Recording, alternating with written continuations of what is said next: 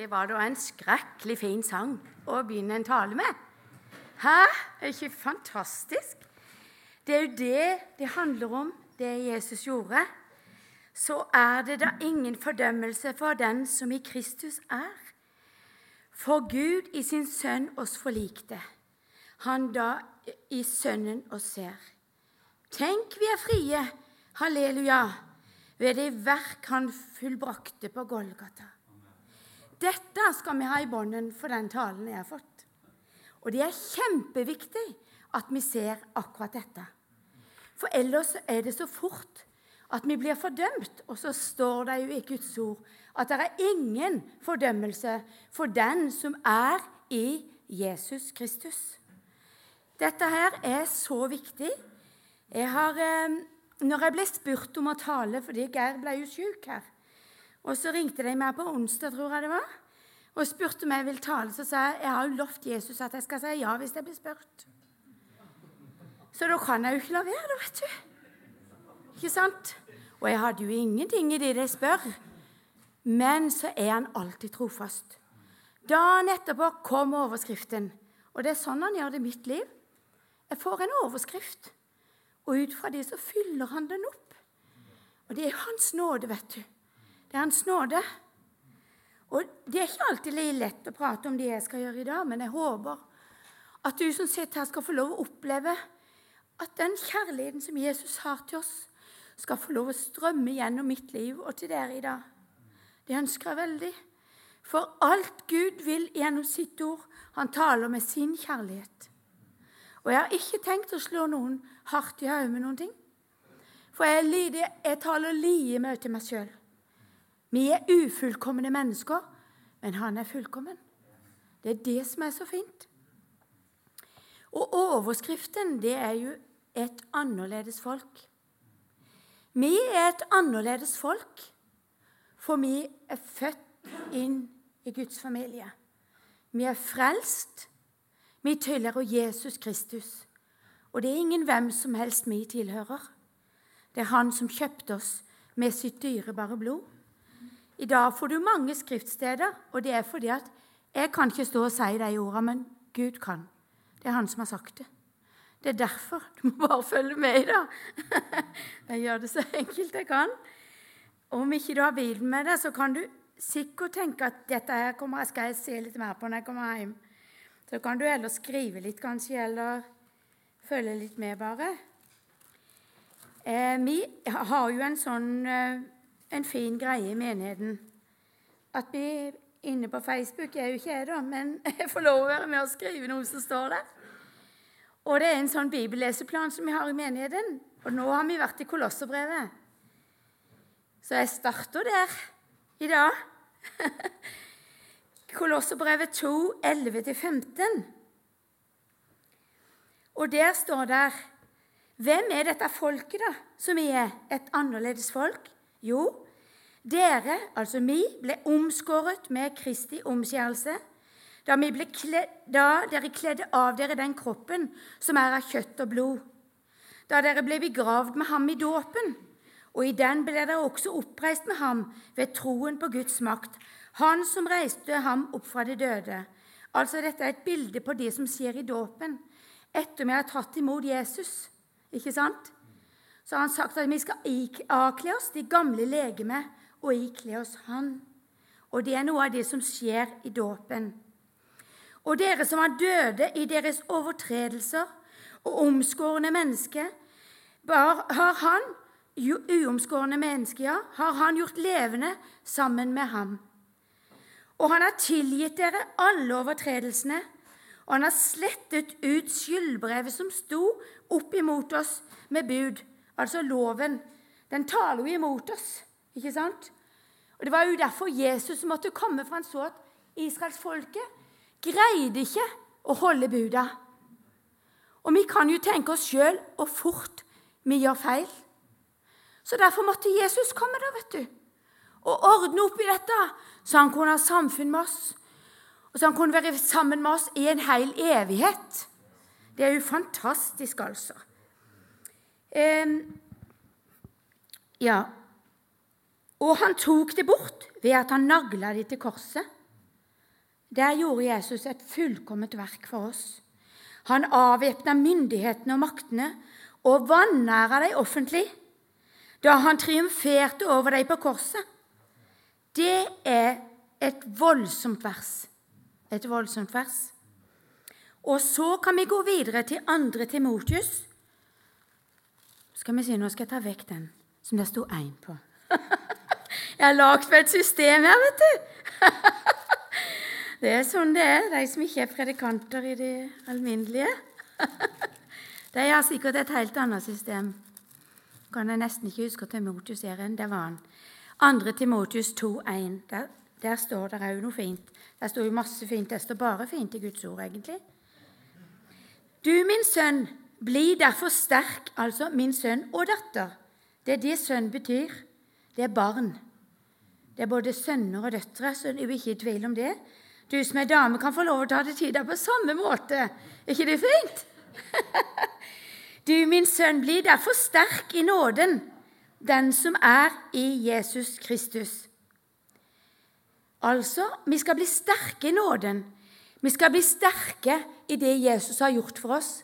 Denne sannheten som de sang om her i stad, som gjør at det bare bobler på innsida hos meg. For det er det det handler om. Det handler ikke om meg. Det handler om Jesus. For jeg har sett i meg sjøl så er jeg ingenting. Det er han som er alt. Det er derfor jeg kan stå her. For han er alt. Og det er derfor vi er et annerledes folk. Det handler ikke om hva vi får til å gjøre, men hva han har gjort. Hva han har gjort. Det er det rettferdiggjørelsen handler om. Det betyr at vi skal bli styrka innvendig ved den hjelp av den nåde som er i Kristus Jesus. Han som har kalt oss. Guds nåde inneholder nemlig en drivkraft til å leve ut i livet som Gud har kalt oss til. Og nåden holder i liv og i død fordi den er knytta til den korsfestede oppstandende Jesus Kristus. Og jeg har sett mange frelse som dør. Og det er fantastisk. De holder helt inn. Jeg har sett mine foreldre. Jeg fikk lov å få lov å være der når de døde. Og jeg så de holdt hele veien. Og til og med når pappa døde Så han flytta med stil, det kan jeg bare si. Da hadde musikklaget vært inne og hilst på han. Og han var ikke tissa der han lå. Så gikk de ut, og så sang de over høyttalerne de pappa dør. Hele himmelen er åpen over meg. Det holder helt inn. Det holder helt inn. Og det er så fantastisk. Og det er det som nåden handler om, og at vi er rettferdige i Kristus. Der, det var en som skrev sånn et lite stykke, så jeg tenker jeg skulle bare lese de setningene. Hvis du er dødssyk pga. nyresvikt, og noen så gir deg en ny nyre slik at du kan leve videre, ville du ikke da tenke hva godt kan jeg gjøre for å vise min takknemlighet mot den som har berga livet mitt? Slik virker også nåden den rette kjærligheten til Gud. Den rette kjærligheten til Gud. Jeg ønsker så veldig at jeg skal ha den rette kjærligheten til Han. Åssen får jeg den? Jeg har sagt den seinere tid, jeg har bedt deg i bønn. Jesus, for jeg ser jeg greier ikke å få det til sjøl. Jesus, du må gi meg av din kjærlighet til det. Så kan jeg ikke få tid å elske Han av meg sjøl engang men blir avhengig av hans kjærlighet. At han skal gi meg den, så jeg har hans kjærlighet til han. For da vet jeg de løser så mange ting. Hvis jeg er full av hans kjærlighet til han, så vil jeg jo òg elske andre mennesker. Vi elsker alle rundt. Det er en løsning i dette her, med at han får lov å fylle oss med sin kjærlighet. Sånn at vi elsker han med hans kjærlighet. Det høres innvikla ut, men det er helt nødvendig. Kan jeg si det sånn? ja. Vi er rettferdige i Kristus Jesus. Åssen er det forholdet mellom rettferdiggjørelsen og helliggjørelsen? Det er det jeg skal prate litt om i dag. Og Det er derfor jeg har lagt så vekt på dette første. For det er du helt nødt til å ha i bånden for at du skal forstå hva jeg mener med helliggjørelsen. Rettferdiggjørelsen er Kristus for oss, sto det et sted der. Som jeg har slått opp litt, vet du. Det er noen som skriver det så fint, så det behøver ikke jeg finne det opp. Rettferdiggjørelsen er Kristus for oss overfor Gud. Vi er reine. Når han ser oss, så ser han Jesus. Du er rein. Du kan ikke forandre noe på den rettferdiggjørelsen. Den ble gjort lenge før vi ble født. Er ikke det fint? Da kan vi ikke prøve engang å få det til. Vi trenger ikke gjøre en ting. Det er gitt oss gratis. Det er så fantastisk. Her er vi alltid fullkomne i den stillingen når du er rettferdig innenfor Gud. Helliggjørelsen er Kristus i oss overfor neste. Da begynner det å bli vanskelig. Her er vi alltid ufullkomne. Men dette er vår vandring i dette spennet mellom at vi er rettferdige i Kristus, og helliggjørelsen. Kristus i oss overfor andre mennesker. Da skjønner du med en gang, håper jeg, at da trenger du Jesus i alt dette. Og så tror jeg at han har lagt på meg at han vil påpeke noen ting i kveld. Og jeg liker best å bare være den som løfter opp. Jeg liker veldig dårlig å peke på noe. Så det er jo rart at jeg skulle få det. Men jeg tror at det er nødvendig, for han vil noe mye mer med oss som menighet. Han vil rense sitt folk. Han vil at vi skal vise mer hvem vi er i Kristus. Han vil at andre skal se Jesus gjennom våre liv. Og det er derfor han vil at vi skal lese det òg som står der. Eh, Jesus han må alltid være vårt forbilde. Og når han blir vårt forbilde, så er det i grunnen nok. Hvis vi ser åssen han var, så skjønner vi at vi trenger hans hjelp for å være sånn. Han var fullkommen. Og vi vet at vi blir ikke fullkomne her på jorda, for vi lever i denne kroppen, som vi da har begravd med Kristus, men den henger fremdeles med oss. Jeg tenker Du behøver ikke å gå lange veien om dagen før at du merker det. Nei, nå så jeg her var noen folk jeg ble så veldig glad for å se. Ja, De skjønner hvem jeg mener, de som, jeg ser på. ja. Og da skal du høre at når Jesus er vårt forbilde, så vil det automatisk begynne å renne noe annet ut fra vårt liv enn det som vi i det menneskelige har lyst til. For kroppen den er sånn, den har alltid bare lyst til å gjøre det den sjøl har lyst. Mens Jesus vil at vi skal gjøre sånn som han vil. Så her blir det jo en liten sånn dragning mellom de forskjellige tinga. I Filipperne Nå skal vi, nå skal vi flytte et, et hakk til. Filipperbrevet 2, vers 2-8. Dere som ikke har med dere Bibelen. Jeg håper jeg forklarer det sånn at dere forstår det greit. Um, der står det Derfor Skal vi se 2-8 Nå kommer jeg litt for fort her. Så det er Paulus som skriver til filipperne, og det var jo Guds folk på samme måte som vi er det. Det er en menighet som bodde i Filippi. Så gjør min glede fullstendig ved å ha det samme sinnelag og den samme kjærlighet og være ett i sjel og ha det samme sinn. Gjør ikke noe ut fra ønske om egennytte eller lyst til tom ære, men enhver skal ved ydmykt sinn anse de andre høyere enn seg selv. Ingen av dere må bare trakte etter det som er best for en selv, men også etter det som gagner andre. Det vil Jesus. Og så var det som Vidar sa når det var på jule, julemessa i går at egentlig i en sjøl har en bare lyst til å gjøre det en sjøl har lyst. Og så vil Jesus noe annet. Så vil han hjelpe oss med det, da, vet du. Hvis vi bare forstår det. Og skal vi se i Filippebrevet var det, Og hva er henne nå? ja, og så er det 12-13 òg i det samme kapitlet. Derfor, mine kjære, slik dere alltid har vært lydige, lydige, ikke bare da jeg var hos dere, men mye mer nå ved mitt fravær, så arbeid på deres egen frelse med frykt og beven. For det er Gud som virker i dere, både å ville og å virke til Hans gode vilje. Ja vel, så vi får hjelp til dette. Er ikke det fint? Hæ? Altså, det er Gud som virker i oss, både å ville og å virke til hans gode vilje. Så vi skal ikke greie dette alene. Nei, det var veldig fint. Han virker det i oss, både å ville og virke. Jeg syns det er så fint, altså.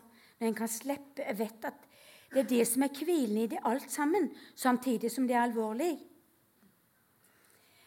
Og Jesus han, han tok på seg en tjenerskikkelse, står det i Bibelen. Ok, så kan vi få lov til å gjøre det samme. Være med å tjene hverandre.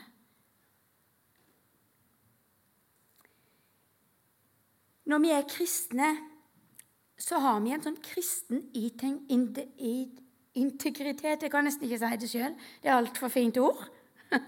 Så Derfor så fant jeg det opp sånn at alle skal skjønne hva jeg snakker om da. Integritet er et etisk begrep som finnes. Og grunnbetydningen er å forbli heil eller uskada eller ukrenkelig, bevart i sin helhet. Så når, jeg snakker om den kristnes integritet, så betyr det akkurat de ordene der. At vi skal bli bevart hele på innsida. Vi har mange utfordringer i, det, i dette livet som vi lever. Der er vi, derfor er vi nødt til å holde oss nær til Han.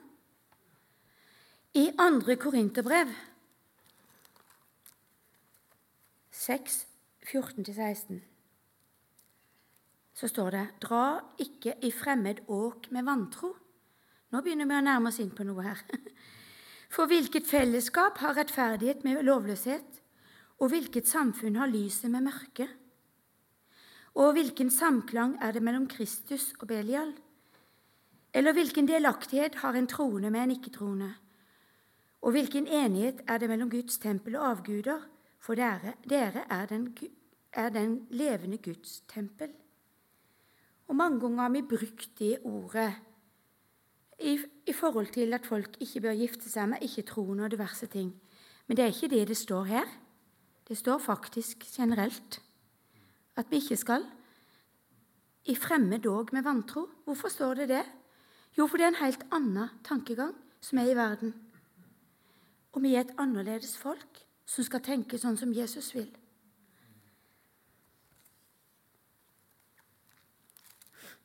Efesrunde 5, 1-20. Jeg må bare Du skjønner hvorfor jeg må slå opp, for det, for det er alvorlig. det er derfor. ja. Bli derfor Guds etterfølgere, som Hans kjære barn, og vandre i kjærlighet slik også Kristus elsket oss og ga seg selv for oss, en offergave og et blodig offer for Gud, som er velbehagelig dypt. Men hor og all slags urenhet eller grådighet skal ikke engang nevnes blant dere, slik det sømmer seg for de hellige. Heller ikke skamløshet, tåpelig snakk eller lettsindig spøk som ikke passer seg men heller takkebønn. For, vet, for dette vet dere at ingen som lever i hor eller i urenhet eller i grådighet han er, han er jo en avgudsdyrker, har arvedel i Kristi og Guds rike. La ingen forføre dere med tomme ord, for på grunn av disse ting kommer Guds frede over ulydighetens barn. Bli derfor ikke delaktige i dem. For dere var en gang i mørket, men nå er dere lys i Herren vandre som lysets barn. For åndens frukt består i all godhet, rettferdighet og sannhet, idet dere prøver hva som er til behag for Herren. Og ta ikke del i mørkets ufuktbare gjerninger, men avsløre dem heller. For selv bare å tale om det de gjør i det skjulte, er en skam, men alt som blir avslørt av lyset, blir åpenbart.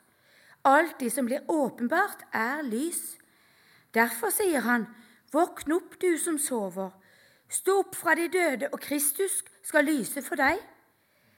Se da til at dere vandrer varsomt, ikke som uvise, mens som vise, så dere kjøper den laglige tid, for dagene er onde. Vær derfor ikke uforstandige, men forstå hva som er Herrens vilje. Og bli ikke fulle av vin, for de fører bare til utskeielser, men bli fylt av Ånden, slik at dere taler til hverandre med salmer og lovsanger og åndelige viser, idet dere synger og spiller i deres hjerter for Herren, og alltid takker Gud, vår Far, for alle ting i vår Herre Jesu Kristi navn, og underordner dere hverandre i Guds frykt. Det er noen voldsomme ord, og vi kjenner oss igjen alle sammen i de ordene. Og jeg tror det er sunt av oss mange ganger å la Kristus få lov til å lyse inn i våre hjerter. Så han kan sette lyskasteren på oss, ikke for at du skal bli fordømt, nei, men for at han skal få lov å rense oss. For at han skal få lov å rense oss. I Bibelen så står det om no, at vi har jo noen veldig store utfordringer, spesielt alle kjenner oss igjen i livet våre. I Bibelen så står det om en avgud som heter Mammon. Og de fleste av oss som har levd noen år, skjønner hva det er. Men det ordet brukes om jordisk gods eller en tankegang som setter materiell rikdom høyt. I Det nye testamentet er Mammon havesykens gud. Dette har jeg funnet faktisk på Wikipedia. Så vi trenger ikke å lure hvordan, hva menes det med sånt noe. Det kan man slå opp, så finner man det overalt på Internett. Mm. står mye lurt der, skjønner du. Da, da, vil jeg at vi skal kikke litt i Matteus. Da skal vi se på 6.24. Så piller jeg vekk lappene etter hvert. Får dere noe ut av det, eller er det bare S? Dere sovner ikke? Nei, men det var veldig fint. det blir veldig fint til slutt, skjønner du. Ja, 6.24. Der står der Ingen kan tjene to herrer, for enten vil han hate den ene og elske den andre, eller så vil han holde seg til den ene og forakte den andre. Dere kan ikke tjene både Gud og mammon. Det er, det er jo sånne kjempealvorlige ord. Så tar vi ett til med det samme når vi allikevel er inne i det. Og det er fra Lukas 16, og det er fra vers 9 til 13. Eller fra 10 til 13. Og de handler jo òg om, om eh, den urettferdige mammon, altså pengene, rett og slett. Den som er trofast i smått, er også trofast i stort. Og den som er urettferdig i smått, er også urettferdig i stort. Hvis dere ikke har vært trofaste i den urettferdige mammon, hvem vil da overlate dere denne sanne skatt? Hvis dere ikke har vært trofaste i det som tilhører en annen, hvem vil da gi dere noe som kan være deres eget? Ingen tjener kan tjene to herrer, for enten vil han hate den ene og elske den andre, eller så vil han være trofast overfor den ene og forakte den andre. Dere kan ikke tjene både Gud og mammon, står det der òg. I Matteus 6,21 så står det der din skatt er, vil også ditt hjerte være. Og av alle ting så var det én i familien min som sendte meg de ordet i dag. Pluss en sang som Rakel skal synge når, møte, når de skal starte nå etterpå. Altså, De ble jo en sånn bekreftelse for meg på at det jeg har kjent jeg skal dele med dere, det har vært rett. Um, og tenker, Det er alltid de vi tenker mest på, de vi har mest fokuset på, som kanskje er vår skatt. Og til det blir det til en ettertanke for meg, og det er til en ettertanke for det. Der er vi like alle sammen. Fordi om jeg står her, og du sitter der nede. kjenner, kjenner på det uansett. Eh, det sto òg en, en, sånn forklaring når det gjelder mammen. Så sto det tøylesløs materialisme og grådighet fråtseri og urettmessig ervervet gods. Jeg, jeg, hørte en tale en gang av ei dame når vi var på Kvinner i nettverk. og Det er kona til Alf Magnus. Og den glemmer aldri jeg. For hun talte om den kristnes integritet. At vi ikke skal gjøre oss ureine med ureine ting, kan du si. Så, og det gjelder spesielt det økonomiske. At vi er nøye på hvem vi får pengene fra og hvor de kommer fra. Og i denne tida med så mange ting som gjerne vil at det er jo så fokus på økonomi, at vi skal bli rike, og det er det som er lykke, og det som gjør godt, så er det så fort å gå feil i noen ting. Og hun fortalte om en mann som hadde kommet. Det var en av hennes bekjente som Gud hadde talt til. Han skulle kjøpe et hus sånn, som han skulle bruke til noe i Guds rike. Og med en gang så kommer det en mann til ham som sier, 'Jeg vil gi deg det pengene akkurat det huset koster.' Så kjente han ja, men jeg må snakke litt med Jesus om det først, sa han heldigvis. Og han kjente en sånn uro. Men, og han sa til Jesus, 'Men Jesus, det er jo så greit, det må jo være du som kom der med de pengene, sånn at jeg kunne få kjøpt det som du sa jeg skulle kjøpe.' Uroen var da like fullt, så han måtte si nei. Så måtte han gå en mye lengre vei. Men i ettertid så viste det seg at de pengene hadde den mannen fått på uærlig vis. Så vi kan ikke være nøye nok når det gjelder økonomi. Vi kan ikke være nøye nok som Guds folk. Bare tenke Gud, er dette noe som kan være noe ullent? Og jeg tenker alt som er lettjente penger, kan fort være ullent. Og jeg vet det er mange som har snakka om f.eks. Daxo. Det er visst et sånt pengespill. Jeg har ikke peiling på det for noe. Men annet det, eller andre ting. Ting som ikke du må skatte av. Og da tenker jeg OK, da er det med en gang litt ullent. Og at vi skal være Vi kan ikke være nøye nok som Guds folk. Vi kan ikke være nøye nok. Plutselig så kan en sitte der, så har du vært borti noe som du kanskje blir anmeldt for, eller andre ting. Som, hvem går det utover? Jesus. Det går utover Jesus. Det er han som får skammen. For vi er jo Guds barn. Og det er det jeg blir så lei meg når jeg hører om sånne ting. Jeg blir så veldig lei meg. For jeg er så redd. Det er Ikke bare det, det bare nevnte én av tingene. Det er så mange andre ting som er der. Men at vi, vi må være nøye. Vi, må være, vi kan ikke være nøye nok som Guds folk. Ikke i noen ting kan vi være nøye nok. Og jeg håper ikke jeg trykker noen på tennene. Jeg ønsker ikke det, virkelig ikke. Men jeg, bare jeg, jeg, jeg, må bare bruke noen eksempler, og så, og så må du, hvis, hvis, du er her som er borte i sånne ting, så spør Jesus i hvert fall. Spør Jesus. Og jeg tenker Det er det viktigste vi kan gjøre. Vi kan ikke være nøye nok. Eh, så vil jeg gå videre. Det neste som sto der når vi leste i stad, det er hor, og det er seksuell umoral. Det er bare det det er snakk om når vi snakker om hor. Og det kan være mellom mann og kvinne, det kan være i et ekteskap, det kan være alle ting, men det er i hvert fall seksuell umoral som de står som. Da har jeg lyst til å lese noe som står i Matteus. For det er jo et område som vi alle kjenner at en kan bli prøvd på når det er ting. Og det står i Matteus Skal vi se nå 5, 27. Vi ser et lite øyeblikk nå.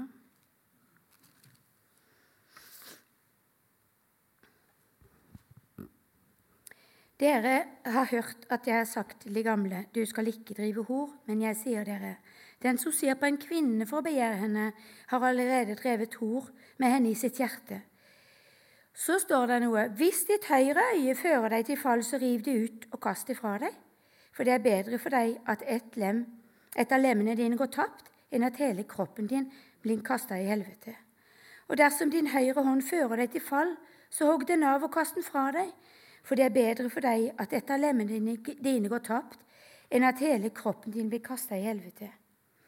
Jeg kan huske det var en gang et menneske som kom til meg, og som ønska sjelsorg, for det sleit så med pornografi. Og Da spurte jeg rett ut men hvor ser du på det henne? Hvor får du tak i det henne? Jo, da var det jo på TV. Ikke sant? På en kanal. Så sa jeg da kom de ordet opp. Akkurat de ordet. Du skal hogge av deg armen. Da mener ikke jeg at du skal hogge den av, men du skal fjerne den kanalen fra ditt TV. Og det er jo det det menes her, ikke sant? Det høres så bestialsk ut. Men det er jo sånne, sånne ting Altså De som frister oss, som vi vet ikke kommer fra Gud, de må vi kvitte oss med, faktisk. Det er faktisk sånn det er. Det er ikke noen andre løsninger. For hvis du tror at du er sterk, og at du er, at du er så sterk at du ikke kan falle, så kommer du til å falle. Men hvis du skjønner sjøl at du er et, svak, et, menneske som kanskje har svake ting i livet ditt Hvis du har litt innsikt i ditt eget liv, da, så prøver vi å la det være. Altså, Da prøver du ikke å utsette deg for det. Da bare stopper du det. Så vil du oppleve at du vinner seier. Da vinner du seier.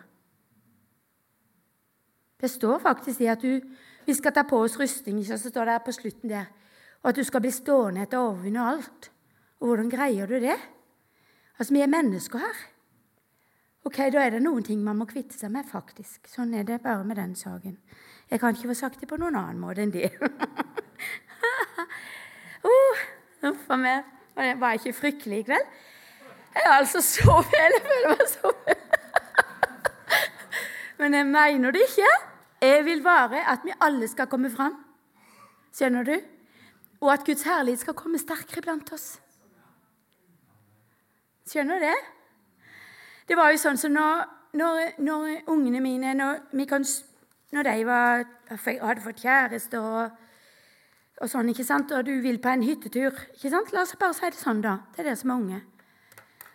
Så, så sa jeg ja, men det, det, det, det er koselig. Men da syns jeg ikke dere skal reise alene. Da, reise, da, vil jeg dere skal reise flere. Hvis dere tenker at dere har lyst til å ikke ha sex før ekteskapet, så tenker jeg at da er det lurt å være flere og ikke ligge sammen. For ellers så er ikke noe bedre enn de de var. Ikke sant? Så en må passe på seg sjøl litt. For det er ikke så lett.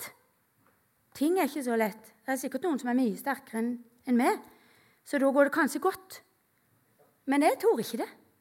For da går det ikke, går det ikke godt. Ja? Dere skjønner jeg snakker om da? Sånn kan jeg bare si det. ja Nei, jeg tenker de fleste kjenner seg igjen. Vi er mennesker på lik linje med alle. Nå skal jeg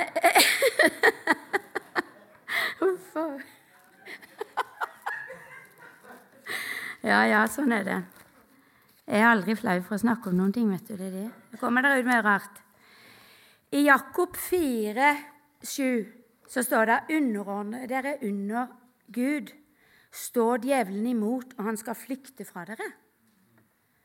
Det var en dame som satt hjemme hos meg og prata, og fortalte at hun hadde slitt med noen spesielle ting. Hun var gift, men hun hadde slitt med, eh, med noe ting i sitt ekteskap. Og det er klart at da kan det òg være mange ting som kommer på for å prøve å splitte et ekteskap.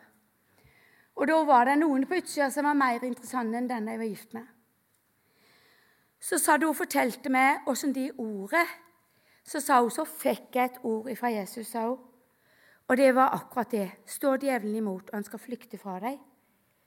Og når hun sa det, så sa jeg til henne, men det er jo et løfte du sier. Han skal flykte fra deg. Når du vet at det er noe som er synd, noe som kan ødelegge ditt ekteskap eller ditt liv, så står djevelen imot, så skal han flykte fra deg. Altså, ok, hvordan står jeg han imot? Jo, ved å søke. Hiv deg på Jesus, sier jeg. Hiv deg på Jesus og hiv deg til korset. Det er det eneste som nytter. For i deg sjøl er du svak, men i Han er du sterk. Og det er fint med Jesus, altså. Han hjelper oss i alle ting. Er det ikke fantastisk? Ja, det går ikke an å greie seg uten Han. Skal vi se nå skal jeg gå videre. Det var det ordet, jeg leste i stad, som dere sikkert ikke husker noe av, men jeg tar det, hadde det punkt for punkt. det han snakker om skamløshet, uten skam, frekk, det står der. Så står det om tåpelig snakk eller lettsindig spøk. Ja, det har vi falt i mange ganger, alle sammen. Men det er ikke noe han har behag i uansett, for det står i hans bibel. hans ord. Og jeg kan si at det er ikke noe fullkommen der på noe vis. Så skal vi lese litt om igjen i Kolosserbrevet 3. Hvis dere da altså ble oppreist med Kristus, altså vi som er frelst ikke sant? Vi har blitt døpt, vi har blitt reist opp igjen. Altså, hvis dere altså blir oppreist med Kristus, så søk de ting som er der oppe, der Kristus sitter ved Guds høyre hånd. Ha sinnet retta mot de ting som er der oppe, ikke mot de ting som er på jorden. Dere er jo døde, og deres liv er skjult med Kristus i Gud.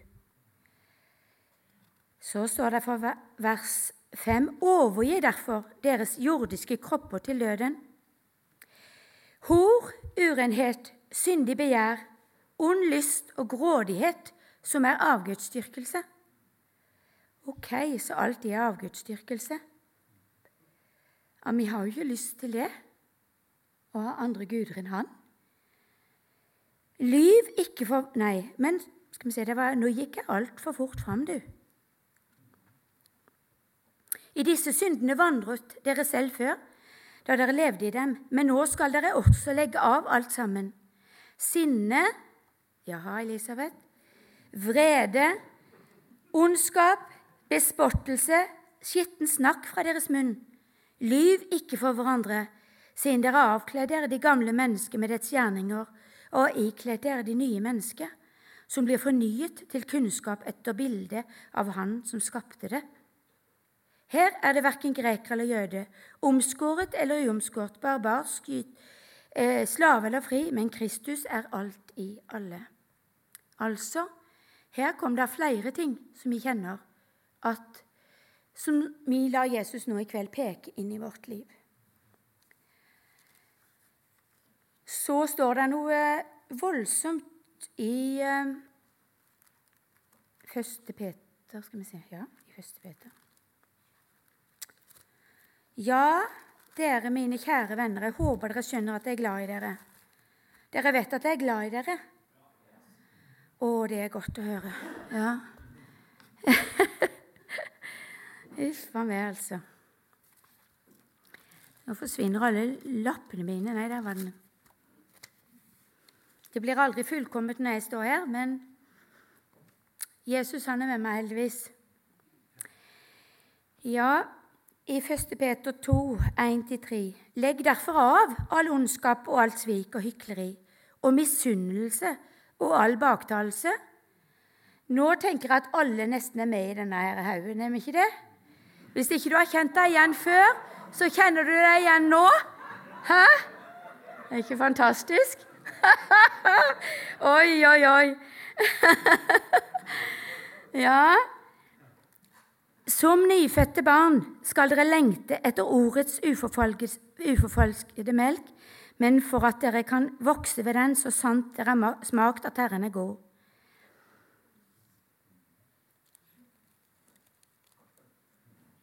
Når dere kommer til Ham, som er den levende stein, som ble forkasta av mennesker, men er utvalgt av Gud og dyrebar, da blir også dere som levende steiner bygd opp til et åndelig hus, et hellig presteskap, til å bære fram åndelige offer som er til behag for Gud ved Kristus Jesus. Ja, Det er utrolig mye fint han har for oss, altså.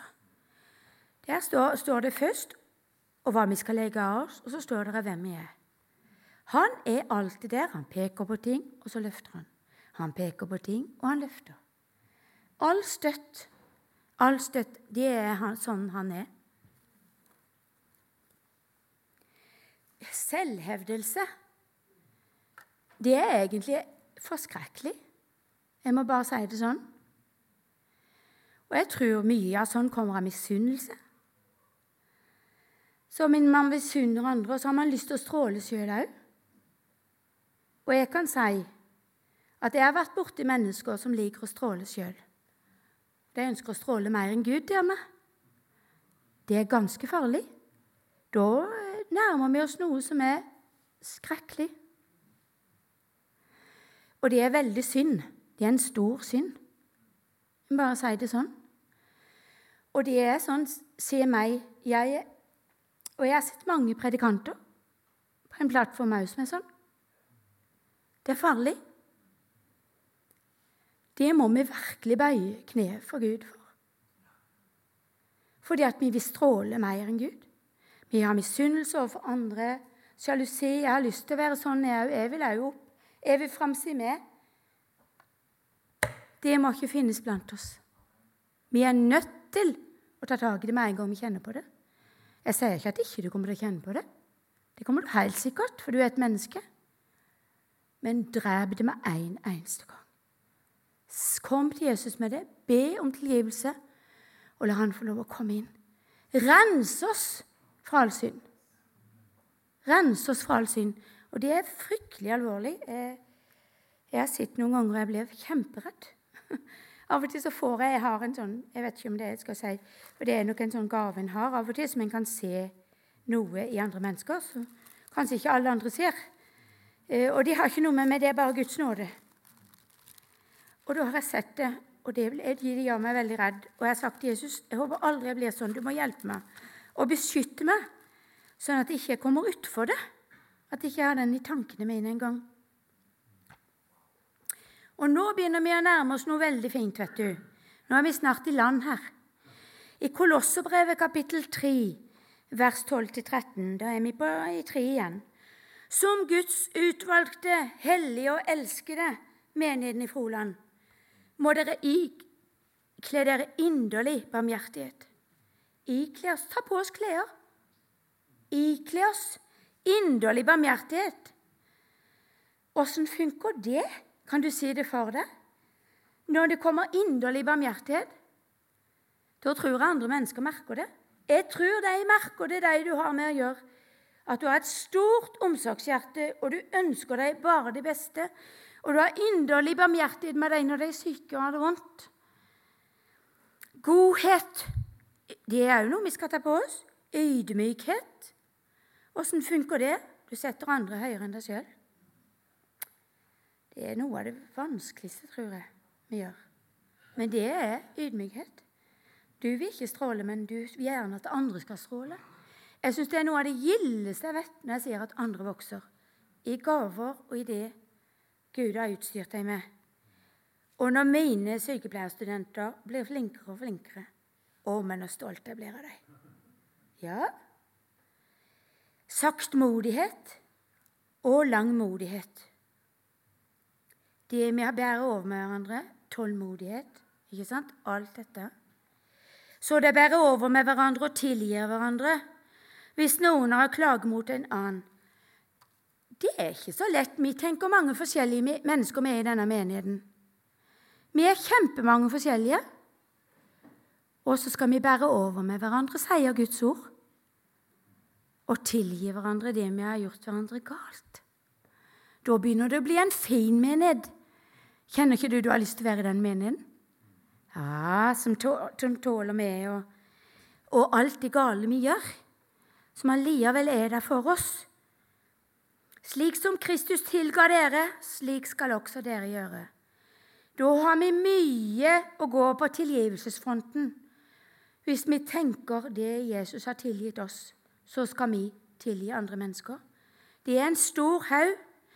Men framfor alt dette, dere må ikle dere kjærligheten, som er fullkommenhetens bånd, og la Guds fred råde hjertene deres. Den ble dere også kalt til i en kropp og vær takknemlige. Og så kommer dette her i dag. Vi, I dag har vi hatt mye Guds ord. La Kristi ord bo rikelig iblant dere. Hæ?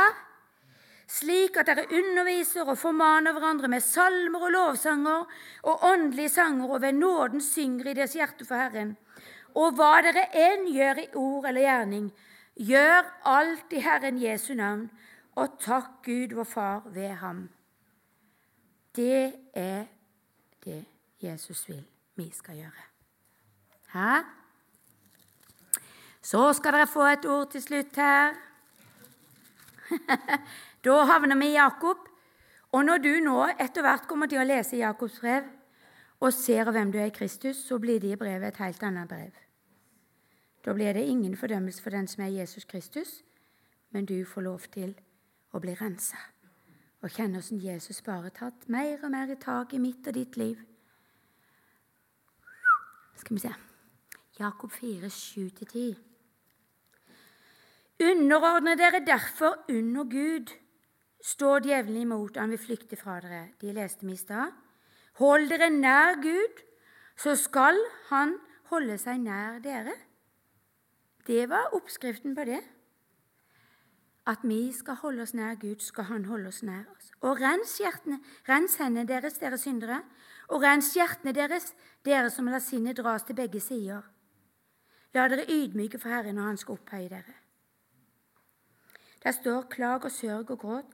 La deres latter bli vendt til sorg og deres glede til bedrøvelse. La dere ydmyke Herren når Han skal opphøye dere. Og vil de seg, vil Han at vi skal bare grine. Og det må vi det. Når Han setter lyskasteren inn.